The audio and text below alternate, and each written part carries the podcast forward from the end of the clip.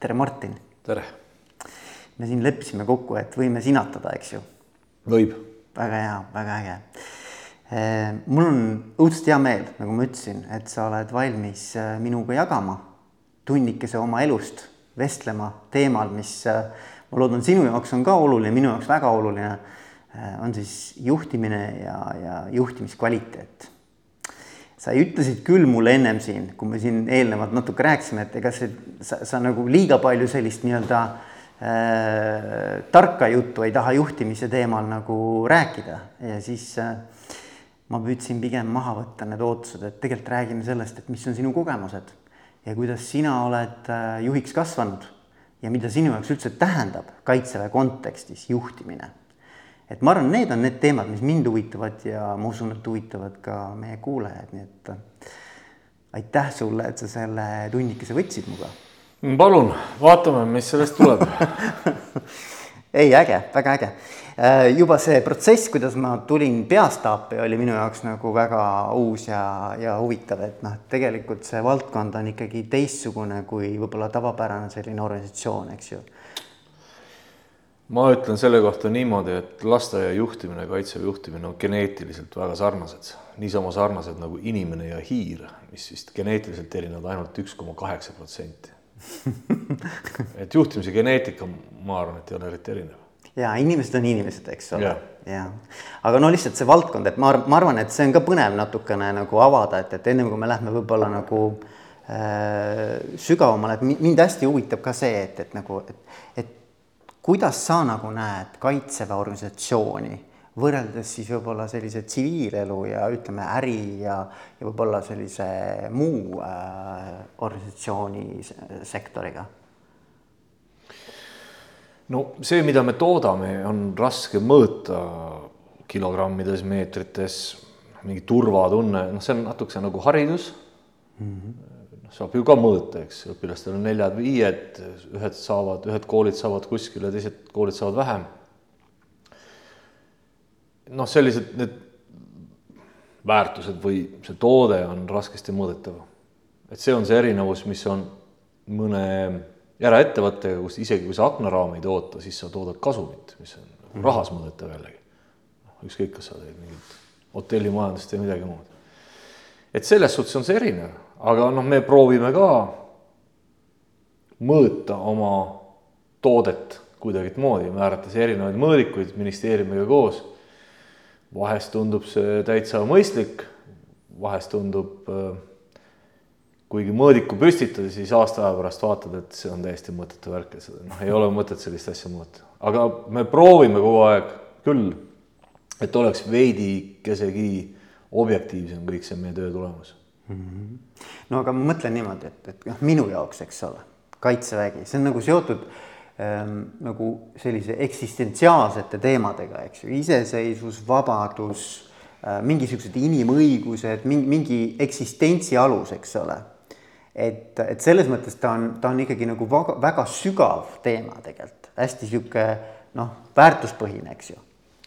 no eks ta ongi sellepärast, et kui väga lihtsalt võtta, siis kaitseväe ülesanne on võita sõda. ja kuni sõda ei ole, siis ta valmistub selleks. me ei saa kunagi öelda sada protsenti, et kõik on õigesti hästi tehtud. kuni seda sõda ei ole ja me sõda võitnud ei ole. ja tänapäeval vaatame ringi, mis asi on sõja võitmine, noh, on veel omaette teema mm. võtame Afganistani, võtame Iraagi, võtame Mali, kus me kõik olnud oleme, kus me oleme tagasi tulnud ja mõni ütleb, te olete kaotanud tegelikult äh, minu arvates on see vale, me ei ole mitte midagi kaotanud, me ei ole kuskil ühtegi lahingut kaotanud. me ei ole kuskil ühtegi sõda ka kaotanud, see, miks me oleme kuskilt ära tulnud, on poliitika, sõjatehniliselt. meie teeme oma osa ära mm. nii et ka seda ei ole väga lihtne mõõta, aga, aga üldiselt, äh, kui me läheme niimoodi sügavale filosoofiasse ja see on nüüd viimasel pooleteisel aastal võib-olla rohkem välja tulnud. kaitseväe ülesanne on võita sõda kuni sõda ei ole, tuleb selleks valmistuda mm. -hmm. ja sõja võitmiseks tuleb ära unustada tegelikult igasugused, ma ei tea, mis teoreetikud ja targad, et parim lahing on, kui lahingut ei toimu, ei. meie sõda saab võita ainult ühel moel, sa hävitad vastase. see tähendab tappa, purustada, põletada, kõike muud sellist. ja vot kaitseväe seisukohast see on oluline, et inimesed tegelikult peavad sellest aru saama. Kui me hakkame väga ilusatest asjadest rääkima, kuidas me hoiame ära ja ma ei tea, mida kõike muud, siis me hakkame iseennast petma ja ma arvan, et lääs on viimase kolmekümne aasta jooksul väga palju iseennast petnud. ja täna me näeme, kuidas see loll, inetu ja ma ei tea, mis kõik veel, Vene armee, noh, ta tegelikult teeb väga palju kurja, kas ta just võidab, aga ta teeb kurja. et isegi kui me täna noh, ühel hetkel näeme Ukraina sõja võitu, siis me näeme, kui palju on ta kurja teinud nii Ukrainas kui väljaspool sõda. Aga see on jällegi natuke see poliitika ka. ja, ja ei, see on jah, selles mõttes on äh, brutaalne, eks ole, et, et, äh, et noh, see on nagu mustvalge suhteliselt see tulemus, eks ju. no isegi kui sa heidutad kuidagimoodi, isegi kui sa hoiad midagi ära, siis sul peab see brutaalsus olema kogu aeg paremas või vasakus käes, millega siis kohe mataka paned, kui, kui seda vaja on, kui sul seda ei ole, siis sa ei heiduta mitte midagi, siis sa surnuks kedagi rääkida ikkagi ei saa või meelitada kuidagimoodi. aga mis, mis sinu jaoks on noh, põhimõtteliselt ikkagi nagu sõjaväekarjäär, eks ole, sa oled eluaeg tegelikult ju kaitseväes teeninud, eks ju, et si, si, sul tegelikult nagu teist sellist äh, maailma ei ole, Sisekaitseakadeemiast otse oled kogu aeg nii-öelda kaitseväes toimetanud, eks ju? minu karjäär. esimese klassi lõpetades läksin ma Kaisma kolhoosi, Kõplamaa, ma ei tea midagi mm. -hmm. ja ma pidasin seal vastu vist poole üheteistkümneni päeval. ma võin kõbla seina äärde ja tulin sealt see kaksteist või kolmteist kilomeetrit jalgsi koju ära. rohkem ma kolhoosi vabatahtlikult tööle ei läinud, aga ma hakkasin metskonnas tööl. ja ma põhimõtteliselt samast suvest esimese klassi tatt Äh, Kiiniga käisin metsas tööl, ma arvan, ma raiusin esimene suvi võib-olla viisteist meetrit või kakskümmend meetrit. Aga pärast seda ma olen kogu aeg metskonnas töötanud. kui ma lõpetasin keskkooli, siis ma arvasin, et noh, ma olin peaaegu et minemas EPA-sse või Maaülikooli siis tänapäeval. minust oleks saanud äh, mingisugune metsavaht, metsakorraldaja, midagi taolist. võib-olla ma täna juhiks ka mingisugust protsessi, ma ei tea. et noh ma olen lisaks sellele töötanud ka Järvakandi klaasitehases, noh, sellised suvised ajad, kuigi see metskonnatöö oli selline, mis pakkus mulle ka kooli ajal tööd, et noh, peale tunde mul olid omad objektid, mida ma kuskil saagimas käisin, sellist võsa tegemas. nii et noh, ma tean mingit muud maailma ka ja yeah. ja noh, kaitseväe kõrval ma üritan ka noh, tegeleda mingite täiesti teistsuguste asjadega või võimalikult palju teistsuguste asjadega et ennast kuidagimoodi tervena hoida, muidu tõenäoliselt vist kapselduks ära ühiskonna mõttes. Aga, aga miski sind selles ikkagi nagu tõmbab, vaata. Mind huvitab see, et mis sind selle eh, kaitseväe juures kõige rohkem nagu ligi tõmbab või mis, mis on, mis on see, mis sind hoiab? no see on ikka saavutused ja, ja mitte karjääri saavutus, karjääri saavutus noh, minu jaoks ei ole, see on lihtsalt mingisugune tagajärg. See on nagu asja juures käib, et kui sa noh, sind määratakse, ma ei tea, mingi üksuse ülemuks ja sa aasta aega koolitad oma ajateenijaid ja siis nad lähevad minema ja sa oled rahul sellega, mis sealt on tulnud mm. -hmm.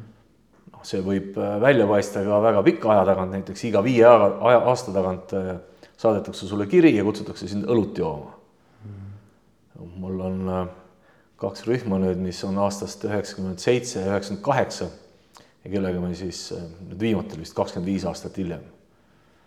noh, see minu meelest see on selline saavutus mm -hmm. inimestega, aga see oli ka üksus, mida noh, millega me olime valmis minema kuskile, ma ei tea, sõtta minema.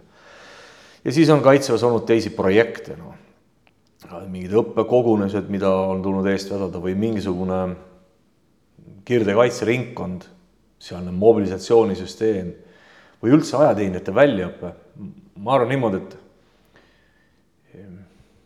kui see, kui sul see riik ikkagi väga meeldib, saad riigi jaoks midagi ära teha, siis sõjaväelasena sa saad seda teha läbi kodanike kasvatamise, läbi ajateenistuse, pakkudes neile usaldusväärset ja arusaadavat väljaõpet, aga ka ettevalmistust riigi kaitsmiseks.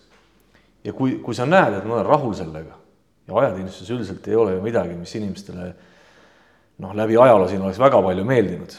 ma arvan, et viimased aastad ajateenistus on muutumas populaarsemaks, väljalangevus väheneb, kõik muud sellised asjad. ma arvan, et eh, midagi, millega ma olen tegelenud kaugelt üle kümne aasta niimoodi sihipäraselt hakkab võib-olla mingeid vilju kandma ja mitte mina ainukesena, vaid väga paljud teised, tehes seda ajateenistust paremaks. jällegi see, see on üks osa suurest eesmärgist. ja noh, kui sa, kui oskad ja kui on aega korra ringi vaadata ja neid tulemusi nagu hinnata, noh, siis see on rahulduspakkuv. ja kui sellepärast öeldakse, võtta järgmine ametikoht või järgmine auaste, siis on väga hästi palju viletsam lugu see, kui noh, ma ei ole küll seda saanud võib-olla, et aga kui sind upitatakse järgmisele kohale, seda väärt ei ole. või kui sa näiteks noh, väga ei tahagi selle koha peale, sul, sul ei paku see teine tase mingisugust huvi. kaitseväe juhataja ametikoht ei ole see, miks ma sõjaväega ühinesin. kõik see taktika väljaõpetamine, palju väiksemas grupis inimestega tegelemine, seda siin ei ole, siin sa otsustad tihtipeale väga abstraktselt kellegi palga või kellegi, ma ei tea, mis tuleviku ja saatuse üle tegeled paberite ja, ja poliitikutega ja see, siin ei ole mitte midagi noh, sellist nauditavat nagu ei tea, brigaadi või pataljoni ülemana. et siis on see kõik äge. ja kui noh, sa teed seda kõike ka selle jaoks, et olla, midagi ei ole öelda, sõjaks paremini valmis. noh, ja selle sees sa leiad ikkagi sellised õppus, äge valmiduse süsteem, kui kiiresti saab üks, need meie lõkid. me tulime maaväe ülema kindral Sireliga, tulime siin paar aastat tagasi keskpolügoonilt. Nelikümmend kaks tundi pärast õppuse kuulutamist me sõitsime keskpolügoonilt Tartu suunas ja üksus oli ähm, Tartus formeeritud, kokku pandud. Ja osad üksused olid juba keskpolügoonil ja osad tulid meil tee peal vastu. Ma arvan, et meil mõlemal tekkis selline noh, ikka hullult hea tunne, kui me nägime neid masinaid, sest see, see on väga mitmete aastate jooksul tehtud midagi ja siis sa näed seda tulemust, sest noh, nelikümmend kaks tundi hiljem saja kilomeetri kaugusel. see on midagi, mille üle võib uhke olla ja noh, millega sa võid, sa võid näidata liitlastele ja inimesed isegi ei usu seda, et see on võimalik nii kiiresti teha mm. -hmm. aga ma arvan, et ma olen sinna midagi panustanud. ja, ja. no ja, ja vot seda sa hindad palju rohkem kui mingit uut tärni, ilma naljata mm.. sest noh, see toob sulle tärnid, on ju, aga sa veel korra, sa pead äh, minu meelest sõjaväelasena hindama neid tulemusi, mitte siis midagi, mis sellega kaasneb. Mm.. ja, jah. Aga räägime natuke sellest, et kuidas su kujunemislugu on olnud, et, et kui mitte väga pikalt, aga et kui sa mõtled praegu selle peale, et mis on need sellised võib-olla milstoned või sellised verstapostid, mis sinu karjääri jooksul kõige rohkem äh, välja noh, sind on aidanud kujundada selliseks inimeseks, selliseks juhiks, nagu sa täna oled, et noh, mis need etapid või inimesed või sündmused on olnud, mis sulle kohe nagu pähe hüppavad, et mis on sind kõige rohkem aidanud kujuneda, kujundada selliseks? no midagi peab inimeses olema, et talle meeldib äh, öelda, et hea küll, kogu selle segaduse sees tulge minu järele ma ütlen, kuidas teha. Nad räägivad isegi niimoodi teoorias, et, et meie hulgas on noh, üsna palju neid inimesi, kes tahavad minna kõige ees ja öelda minu järel, aga nad ei taha välja mõelda, mis suunas minna. Nad ei taha seda vastutust võtta. ja võib-olla mulle vahetevahel meeldib võtta ka see vastutus, mõelda välja, et läheme vasakut kaudu minu järel ja vot siit hakkab mingi adrenaliin tööle, mingisugune saavutus, elamus, vajadus. ja kui sa lõpuks sinna ühele poole jõuad, siis, siis sa vaatad, et mina tegin seda, on ju. noh, see on seesama, millest ma ennem rääkisin. nii et noh, kuidagimoodi midagi peab inimesel veres olema, kuigi ma ei tea isegi, kuivõrd sotsiaalne ma olen, sest et mulle meeldib ka üksinda metsas olla väga palju, ilma et ma kedagi saaks kamandada mm.. kõigepealt kuidagimoodi õnnestus mul oma kursusel saada jaoülemaks ja neid eh, jaoülemaid oli seal täpsemalt kuus, noh neljakümne hulgas, kuidagi määrati mind selleks. arvates, et mul on varasem eh, mingisugune kaitseväe kogemus, aga see ülem, kes määras, eksis, mul ei olnud mingit kogemust. ja noh, sealt hakkad sa inimesi juhtima, noh, sealt tekib mingi vastutuse tunne, mingi kohustuse kogemus. väga-väga olulised asjad. Ja mis olid kõik õnnestumised see on hästi tähtis, et inimene ka õnnestuks, kui ta ebaõnnestub, siis see võib kõik hakata tagasi voolama, aga mul, kui me olime Kaitseväe lahingukoolis, kolmanda aasta kadetid, siis mul õnnestus juhtida rühma kaitselahingus kolm päeva. mina mõtlesin välja, kuidas nad seal kaitses maastikul paiknevad ja siis mina juhtisin neid. ja seda ei saanud kõik õppurid teha, noh, meid on ju seal nelikümmend inimest kursusel, eks. Ja ainult kaks paremal juhul saavad olla rühma ülemad. mul õnnestus ja kaks või paar nädalat pärast seda meil oli üks teine õppus, kus ma olin rühmavanem, rühma olema noh, nii-öelda abi järgmisel õppusel sama kaua. ja noh, see oli ka üsna edukas. noh, ma arvan, et need olid näiteks sellised esimesed korrad, kui midagi läks väga hästi. siis juhtus veel igasuguseid, igasuguseid asju, aga ma arvan, et järgmine suur saavutus oli see, kui üheksakümne kaheksandal aastal kaitsevägi otsustas, et äh, hakkame ikkagi tegelema ka mobilisatsiooniga, et kõik need ajateenijad, kes reservi on saadetud, tuleb määrata mingisuguseks pataljoniks ja me peame olema valmis neid teenistusse kutsuma ja nendest siis moodustama, formeerima pataljoni. otsustati teha selline õppus kuskil maikuuses, septembris pidi see toimuma ja juunikuuses määrati mind sinna projektiohvitseriks mm. -hmm. sest see oli uus asi ja keegi ei tahtnud teha, ma olin noorem leitnant. ja ma arvan, et see ka õnnestus. ja see, see andis tegelikult nii palju mulle kogemusi sellest mobilisatsioonist ja kõigest muust. et kokkuvõttes noh, need olid sellised asjad, et kui sa järgmine kord lähed kuskile, sulle räägitakse mingist teemast, siis sa ei karda sinna edasi astuda mm, -hmm. kuigi ka see on tundmatu. noh, see on natukese nagu maratoni jooksuga kui sa oled harjunud kümmet kilti jooksma, ühel hetkel teed poolmaratoni, pärast seda on ju kosmos. no sa oled kolmekümnest kilomeetrist kaugemal käinud, teinud nelikümmend kaks, siis sa julged tegelikult veel kaugemale minna. ma ei ole küll neljakümne kahest teinud kaugemaid asju mm, -hmm. aga põhimõtteliselt noh, sa, sa tunned seda, sa julged veelgi kaugemale minna, kui sa oled juba nelikümmend kaks kilomeetrit mara- inimese jooksu mõttes on väga kaugel.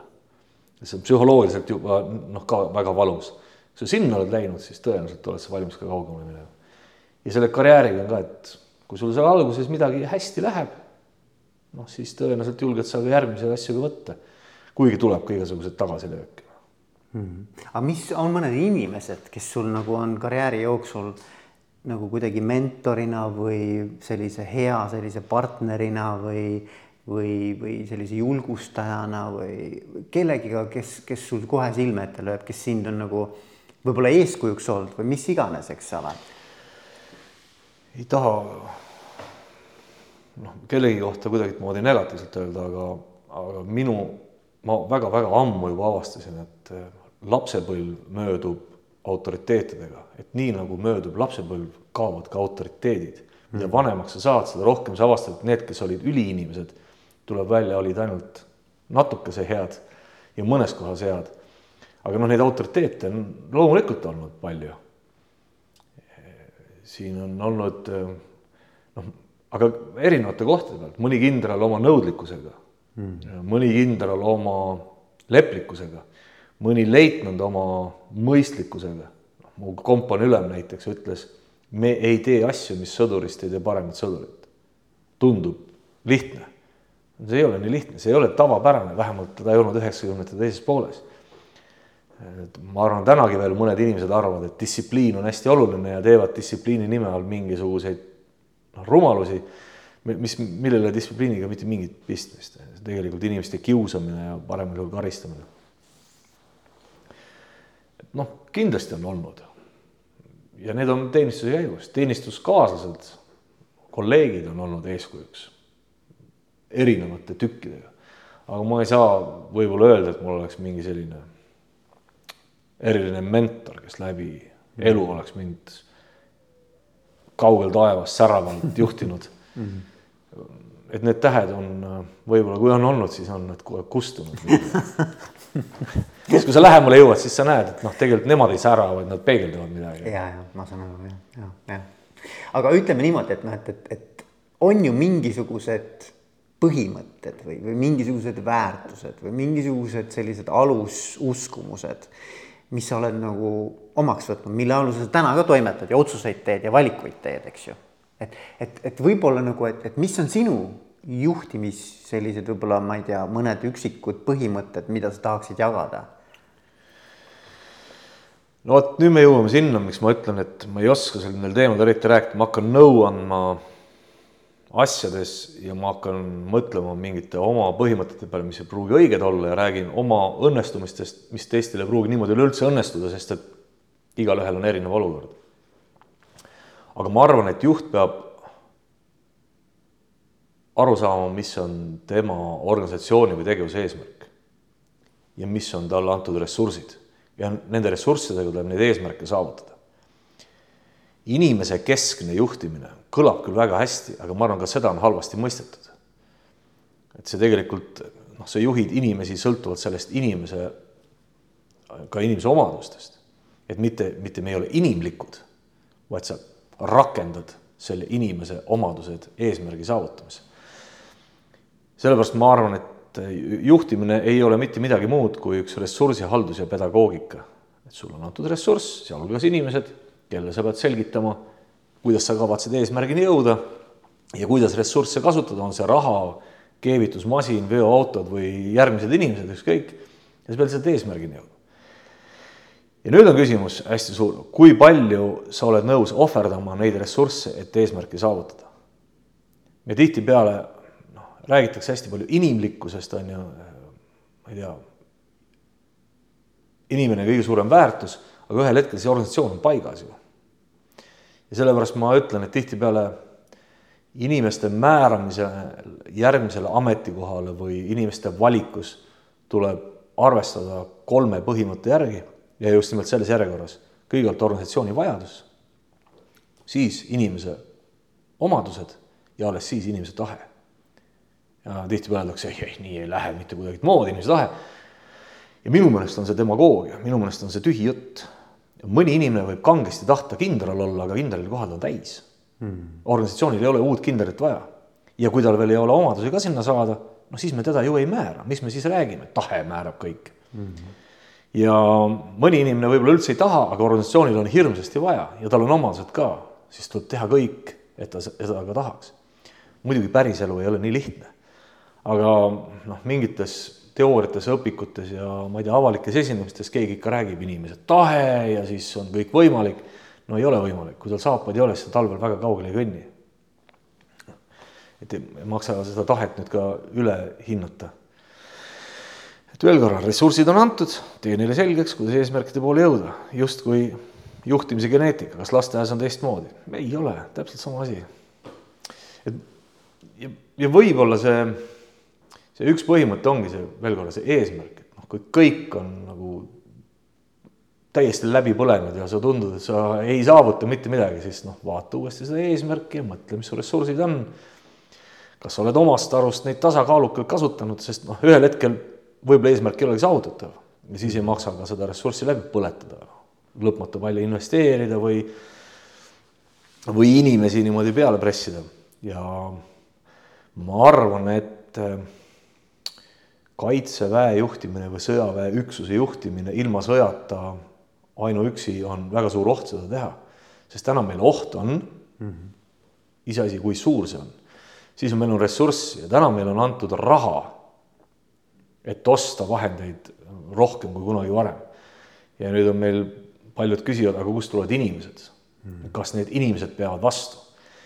ja minu jaoks on peamine küsimus see, et vaatamata sellele, et meil on piisavalt palju materiaalseid vahendeid, minu meelest ka inimesi ja teadmisi, kas see oht on piisavalt suur, et täna teha nii kiireid arenduse samme ja nii mahukaid, tuues tegelikult inimeste, ma ei tea, aega ja, ja olemist üleüldse ohvriks. et meil praegult algab siin kohe õppus Ussi sõnad või õigemini see on terve suur operatsioon, mida me oleme terve aasta aega ette valmistanud, hankinud varustust, mõelnud, kuidas see üksus peab välja nägema või need üksused. ja nüüd me teeme kuu aja jooksul kordusõppuse või õppekogunemise umbes kümnele tuhandele inimesele. Eesti kaitseväe ajaloos sellist asja pole varem tehtud mm. nii suurt hüpet. Minu naabrid, kolleegid teistest riikidest küsisid, kus, kuidas te saate teha niisugust kümnetuhandelist hüpet. noh, meil on reservväelasi, riik andis varusse jaoks raha. me võime võtta instruktoreid ja pöörata tähelepanu teiste asjade arvelt ja teeme selle kuu aega ära, sest ukrainlased suutsid teha palju suuremaid asju nädala ajaga mm. -hmm. ja kui me täna seda sammu ei tee kas me oleme aasta aja pärast paremini valmis või kahe aasta pärast paremini valmis ja, ja millal Venemaa peaks midagi kurja meie vastu tegema, kui meil seda kõike juba vaja on. nii et noh, hüpp on nagu selliste motivatsiooni ja võimaluste vahel, mis teeb äh, kaitsejuhataja elu üsna raskeks, sest noh, ühel hetkel sa ikkagi paned inimesed väga suure surve alla. veel korra, kas see oht, mis meil on, kas see on nii suur, et see eesmärk täna tuleb kindla peale saavutada mm -hmm.. praegult ma arvan, et tuleb. ja ma ei ole kindel, et kõik inimesed on minuga nõus, aga kaitseväes on ka käsk olemas ja siis ja sellega ma võtan omale vastutuse. ja noh, kui me ühel hetkel oleme seal kohal, eks me siis näeme, kas see kõik on õigustanud ja kas ma neid asju saavutan. ja siis tuleb seda nautida või siis äh, nutta ja võtta õhtul pits või ja lohutada ennast sellega või teha midagi muud taolist kas, kui, kui me räägime sellest, et, et sa ütlesid, et on ka läbikukkumisi olnud või sul on tagasilööke olnud, et, et kas sa oled valmis jagama mõnda tagasilööki, mis, mis sinu karjääri jooksul on olnud, mida sa äh, oled kogenud? no väiksemat sorti kindlasti on, ma arvan, et mingeid asju on võimalik teha. ja sa püstitad oma alluvatele selle ülesande, kirjeldad kogu protsessi etapi kaupa, kuidas sinna jõuda ja mingi aeg hiljem sinna lihtsalt ei ole jõutud. ja ma võrdlen seda alati. ja, ja see on vale ressursi haldus, see on vale inimressursi hindamine tõenäoliselt. et ma võrdlen seda natukese oma spordikogemustega, kui meil oli üks treener, kes ütles, et nüüd me hakkame motion korvpalli mängima. siis kõik on minu meelest väga lahe. ja need noored korvpallurid, kes olid enamuses ajateenijad, nad olid ikka kõik siuksed Eesti noh, enam-vähem nagu esiliiga tasemel vennad. Nende korvpalliharidus oli ikka kõvasti parem kui minul. ja pärast kahte trenni treener ütles, et unustage ära, unustage ära, teiega ei saa seda teha, sest et noh, te, ma ei, meil ei ole nii palju aega üleüldse, sest et noh, iga nädala lõpp on meil mingi liigamäng, et parem läheme paneme vanamoodi peale ja sest noh, te ei õpi nii kiiresti ära uut trikki ja, ja see parem teeme vanamoodi.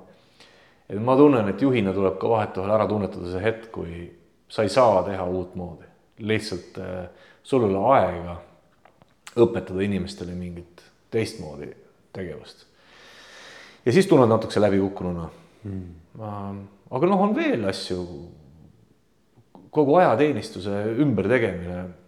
ma arvan, et ma olen keskendunud või tähelepanu pööranud ajateenistuse parendamisele aastast kaks tuhat kaheksa väga teadlikult, väga konkreetsetele punktidele sest ma arvan, et mida parem on meil ajateenistus, seda suurem on värbamisväli, seda lihtsam ja paremaid inimesi meil on võimalik kaitseväkke värvata, aga seda tugevam on kaitsevägi ka tänu sellele, et meil on paremini motiveeritud, õpetatud reserv.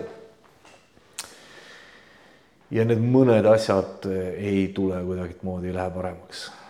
mõned asjad on läinud ja mõned mitte, mõned näited, noh, need on igasugused protsendid ja selline osalusprotsent ja mingid asjad.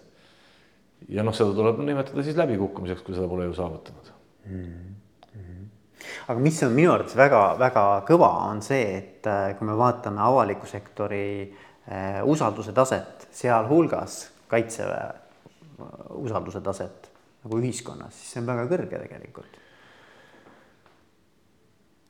jah, ja, ja ma arvan niimoodi, et me ei ole selle jaoks midagi teinud, et mainekujunduslikku, nii politsei, päästeamet, kaitsevägi mm, -hmm. ma ei tea, kaitsepolitsei, mis kõik veel, on tegelikult keskendunud oma eesmärkide saavutamisele ja mitte maine kujundamisele ja see on jälle seesama, et kui su eesmärgid on head, siis tuleb see usaldusväärsus või maine ka. me siin Päästeametit äh, on ka süüdistatud, et ta on palju vähendanud inimesi ja ja nii-öelda tuletõrjet komandosid, aga, aga tegelikult ühel hetkel, kui hakkad mõõtma, siis äh, abi jõuab abivajajani vaata et kiiremini tänu sellele, et sul on inimesed professionaalsemad, motiveeritumad ja varustus on parem. ja noh, siis see usaldusväärsus ei lange mitte kuskile, politseiga sama, kaitseväega ka. Üleeile ma avastasin ühe minu jaoks väga märgilise, ma arvan, et muutuse või vähemalt näitaja mõne aasta, mõne aja jooksul. ma käisin mereväes ja seal hulkusin üksinda seal kasarmus ringi ja kohtasin nelja ajateenijat, kes kõik olid noh, hetkel ütleme niimoodi natukese sandid, nad polnud väljaõppusele kaasa läinud, oli üks allergiaga, väga tõsisega, oli metsalaagrist koju saadetud ja kahel olid põlvel ja ühel õppeliiges. Ja ma küsisin, mis siis saab, no neil olid kõigil tõsised vead, mm -hmm.. et mis saab ja nad ütlesid, no ei, peab vaatama, kuidas selle ajateenistus ikka kuidagimoodi lõpuni saab ja mitte kellelegi siin nagu koormaks ei ole, aga ikkagi lõpuni saab. ja ma arvan, et see on muutus.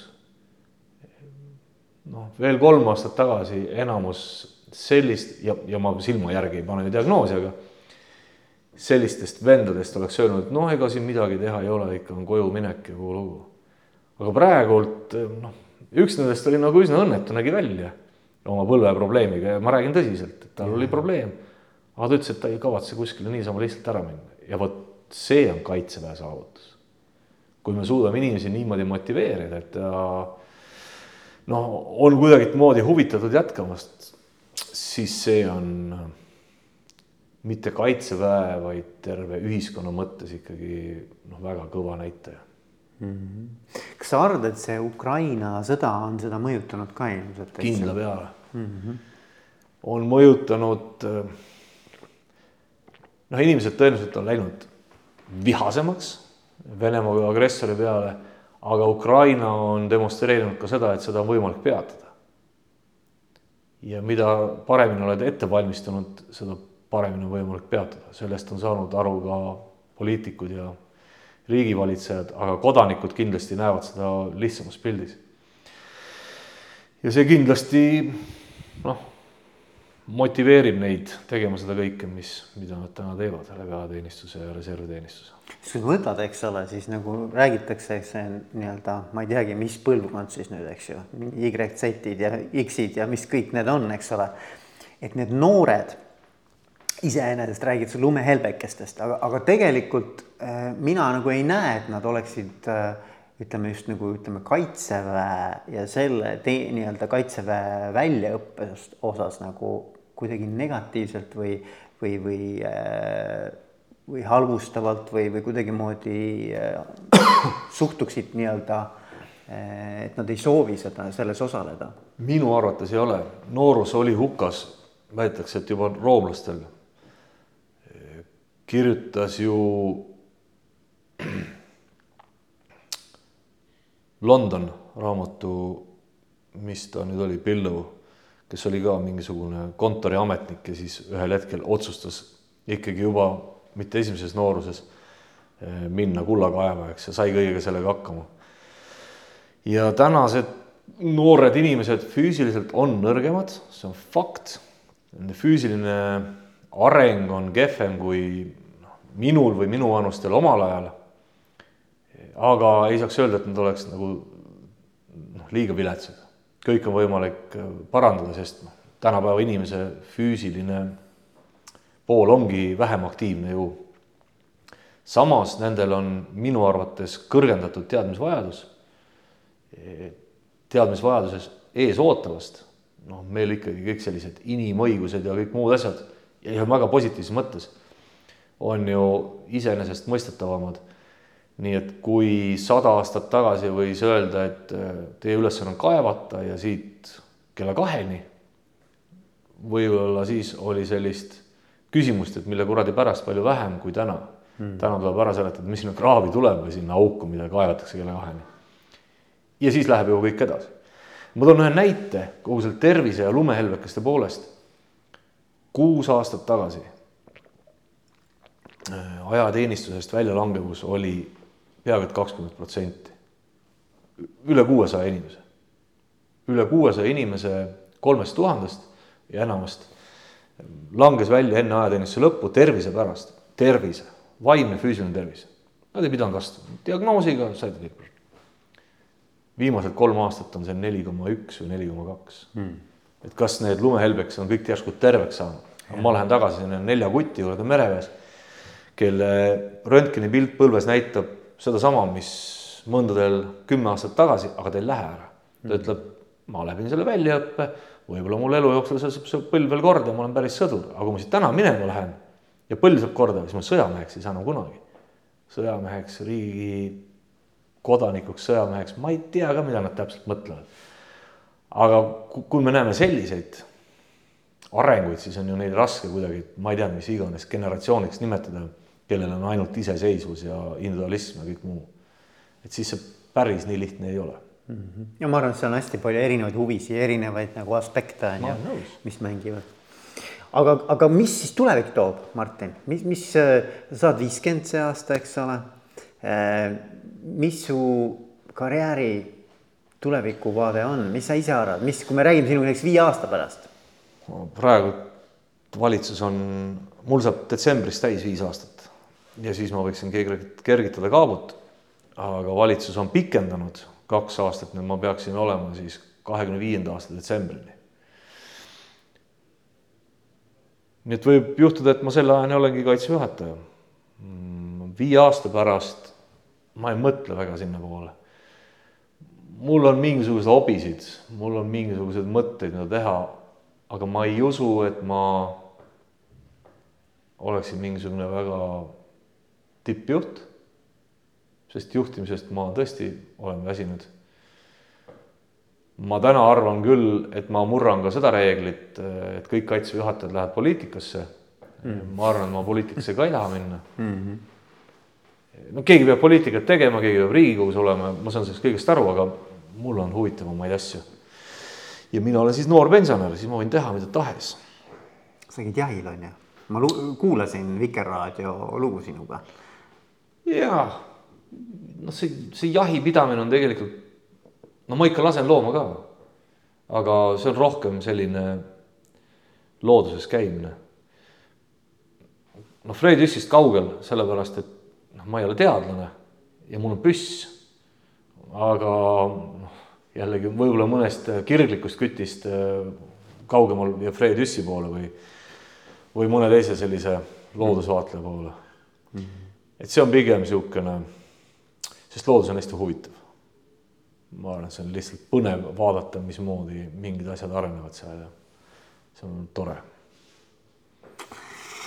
väga äge on sind natuke tundma õppida, Martin, ja ma soovin äh, sulle ja Eestile ja üleüldse kogu meie maailmale kõike, kõike paremat ja et meil oleks ikka rahu rohkem. jah, seda mina kardan, et äh, selles maailmas on võimalik kindlustada ainult ühel moel.